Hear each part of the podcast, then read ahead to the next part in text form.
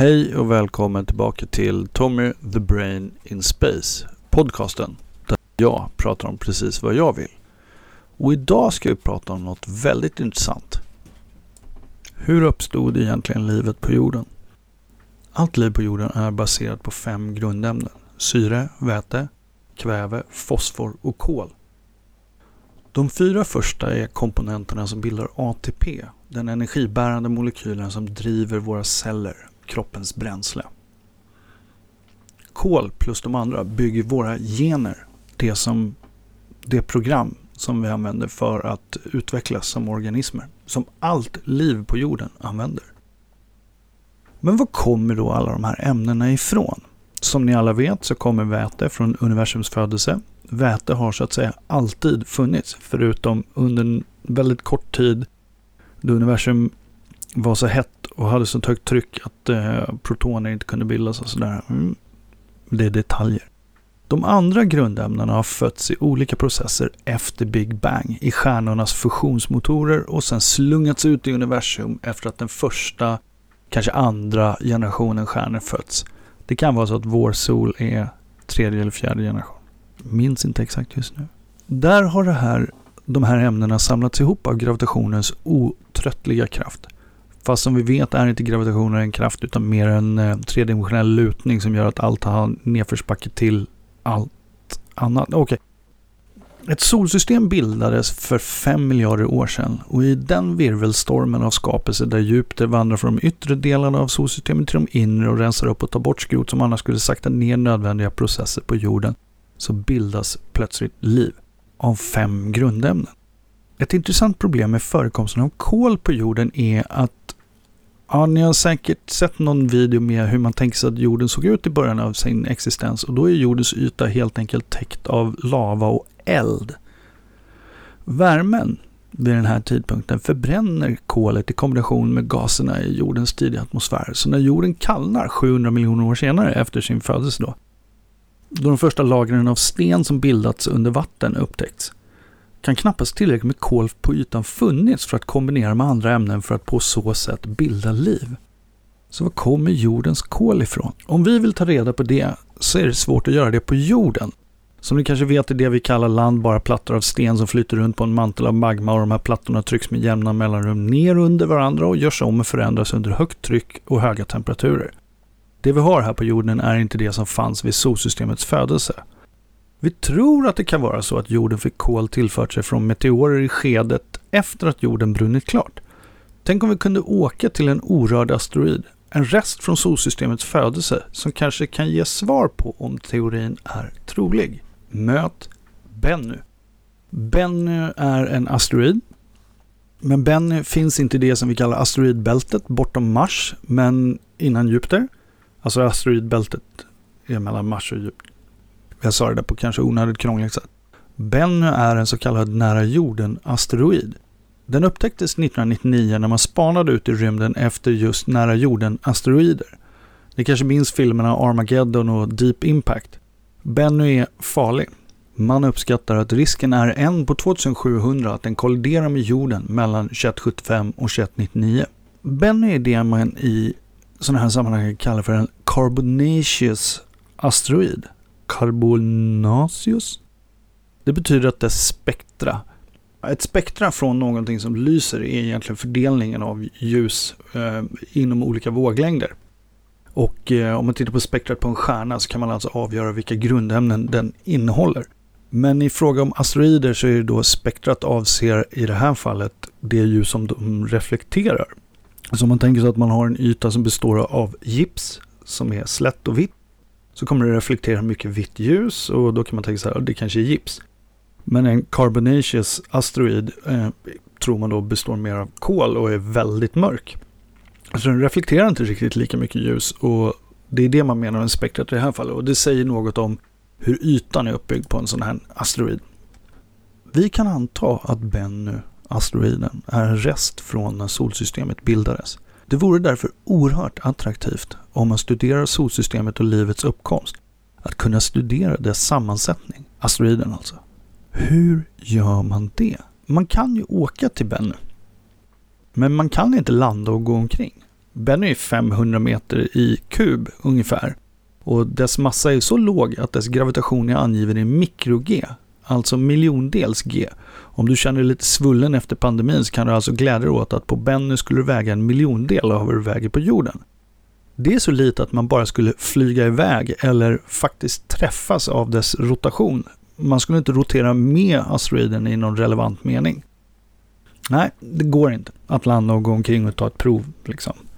Men tänk om man skulle bygga en rymdsond som åkte dit, cirklade runt den i omloppsbana i flera år för att hitta en bra landningsplats, sen åkte ner och blåste med ett sugrör i gruset och fångade upp en näve grus och sen åkte hem med den. Kan man göra det? Klart vi kan. Med vi menar jag ingenjörer på NASA såklart, eller mänskligheten som koncept. Så låt oss möta Osiris Rex, farkosten som just nu påbörjat sin återresa till jorden. Ja, du hörde rätt.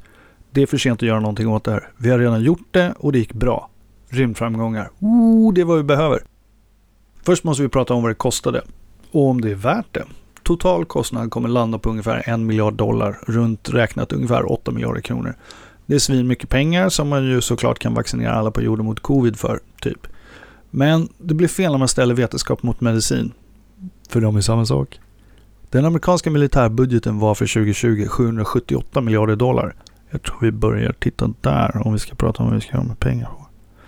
Hela projektet är en del av det som kallas för New Frontiers-programmet på NASA. I det ingår även Juno och New Horizons.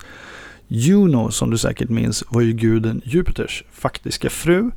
Så den sonden åkte till Jupiter. Och New Horizons åkte hela vägen ut till Pluto med 13 gram aska av Plutos upptäckare i lasten. Okej. Okay. Osiris Rex lyfte från jorden för fem år sedan, 2016. Det känns som rätt länge sedan. Och själva färden till asteroiden tog inte så lång tid, i rymdsammanhang alltså. Två år och två månader efter start, 2018, matchade Osiris Rex asteroidens hastighet och la sig i omloppsbana runt asteroiden. Och det är viktigt att komma ihåg att alla de här operationerna måste göras autonomt av rymdsonden själv.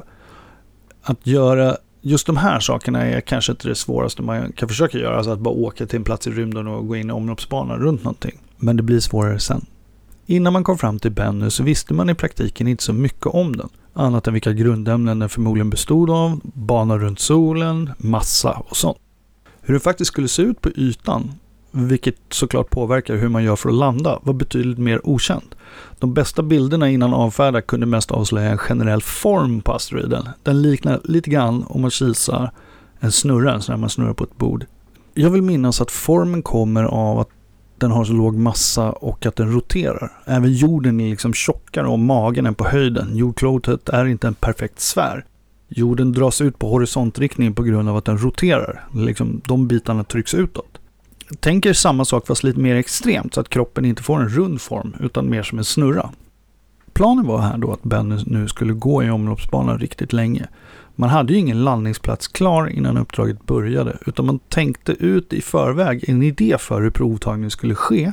Sen tänkte man att Osiris Rex skulle få kartlägga asteroiden i detalj för att lyckas lista ut var hela den här operationen skulle ske. Och när Osiris började skicka tillbaka bilder blev man lite tagen på sängen. En missuppfattning kring hur asteroider generellt ser ut är att de är hela. Vi tänker att de är stenar som far omkring där ute. Men varför skulle de egentligen vara det? Hur bildas de egentligen ens? Den gängse förklaringen är att asteroider är rester av den skiva av protoplanetariskt material som bildade solsystemet. I den här teorin har alltså asteroider bildats men de har inte sen slagits ihop till mer material och bildat planeter utan bara far omkring och är lite överblivna. Alltså de grundämnen, de tyngre, som bildat planeterna har bildats i supernovor och neutronstjärnekollisioner för länge, länge, länge sedan. Och efter att de stjärnorna dött har gas och stoft, och stoftet i det här sammanhanget är alltså fria atomer och molekyler av kisel, kol, järn och alla andra tyngre grundämnen, samlats i enorma nebulosor. De här enorma gasmolnen brukar kallas för barnkammare för stjärnor och är regioner där fler stjärnor föds. När solsystemet bildats har den tyngsta klumpen sugit åt sig mest av gasen i en region och stoftet, de överblivna grundämnena, har kunnat klumpa ihop sig lokalt i omloppsbanan runt solen.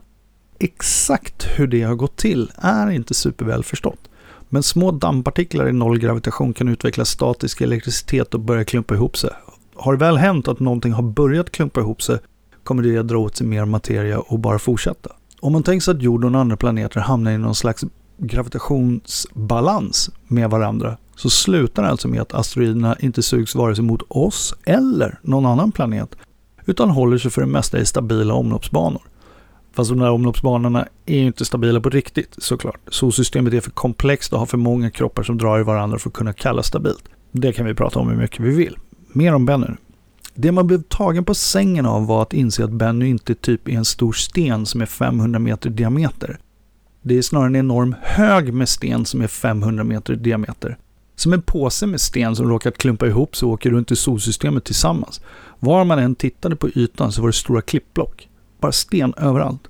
Man hade räknat med att inte direkt kunna landa. Det är för låg gravitation för att typ kunna göra det på ett vettigt sätt. Alltså Benny skulle typ rotera och erbjuda sig lite dra, drag neråt mot sig själv. Att det inte skulle ha en betydelse så som vi förstår begreppet landning på jorden. Nej, man hade, man hade monterat ett slags avancerat luftfilter på änden av en lång pinne. Tanken var att Osiris skulle åka mot asteroidens yta, sätta ner luftfiltret och blåsa ut gas som då skulle få asteroidens yta att virvla upp partiklar som fastnar i filtret. Sen skulle man omedelbart lyfta igen så fort det här var gjort. Men man ville ändå ha en plan yta att göra det på. Klippblock som ligger huller om buller är inte precis inbjudande. Storleken varierade oerhört. Jag tror att visionen man hade var att ytan skulle vara typ som månens, täckt av damm med kratrar men i övrigt ganska jämn. Så var den inte. Inte alls. Osiris och teamet spenderade mer än 500 dagar i omloppsbanan runt Bennu för att fota, scanna, bygga 3D-modeller och försöka lista ut om man skulle kunna hitta en någorlunda jämn yta att landa på. Ett problem med en klippblocksbaserad yta ute i rymden är att beroende på hur ljuset kommer in från solen så ser ytan helt olika ut. Nu är det ju så att man med rätt så enkel matematik kan hålla reda på alla faktorer och använda det här skuggande fenomenet för att få en uppfattning om hur höga olika stenbumlingar är. Det man ville hitta var ju till slut en yta som kanske skulle låta Osiris komma ner, köra ner armen i en hög med grus och sen åka iväg utan att det skulle finnas två meter höga klippblock precis bredvid som bara väntar på att få ställa till det. Landningsplatsens alla egenskaper har man kartlagt ner till en upplösning på 2 cm.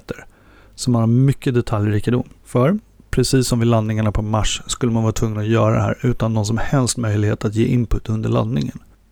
Man hade dock hjälp från Japan. Japans rymdstyrelse hade precis innan det började brännas för Osiris lyckats göra en liknande sak på en liknande asteroid. Och vad man framförallt fick tillbaka från det uppdraget var att allt det här gruset och bumlingarna som är som typ superlätt träkol. Alltså, Asteroiden har inte så mycket gravitation, men själva materialet är också oerhört poröst och lätt i sig. Så risken för Osiris bedömdes som mycket låg i slutändan. Och det är egentligen inte så konstigt. Om du tänker dig ett tungt stenmaterial på jorden så har ju det bildats genom att det faktiskt har funnits i jorden och tryckts ihop under flera miljarder år av hela jordens massa. Så det materialet kommer ju vara mycket tätare än lite löst grus som åkte runt i rymden och samlats ihop i en kub äh, i, i, en asteroid som är 500 meter stor. Jorden är väldigt mycket större, det blir oerhört mycket större tryck i mitten. Man skulle faktiskt kunna räkna ut hur stort tryck det är i mitten av Bennu. Men det är onödigt, för det, trycket är ju garanterat inte större än några mikro-G. Så en miljondels så högt tryck på någonting inne i Bennu. Och det blir 500 Okej, det här är rent svammel för jag kan inte räkna ut det här i huvudet. Men det går att räkna ut. Jag lovar. Matte. Var var vi? Ja, det är egentligen inte så konstigt att materialet är så här poröst och lätt.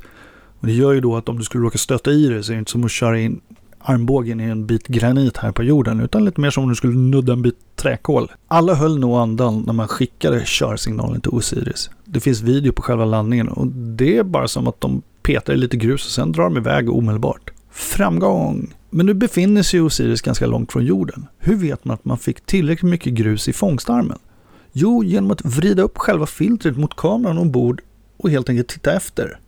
Om det skulle råda tveksamheter ändå kan man också börja snurra hela Osiris Rex runt sig själv med armen utsträckt och känna efter om tyngdpunkten har flyttats på grund av den nypåtagna vikten. Jag tycker det är roligt. Så här. Hur ska vi kolla om vi har fått ett bra sample på minst 60 gram? Vi snurrar som att det är en karusell och kollar om vi börjar må illa. Nu, eller snarare i mitten av maj, påbörjades då den två år långa hemfärden. Det tycker jag är rymdforskning i ett nötskal. 3-10 års planering och ingenjörsarbete, sen en uppskjutning som tar några minuter men kan förstöra allting.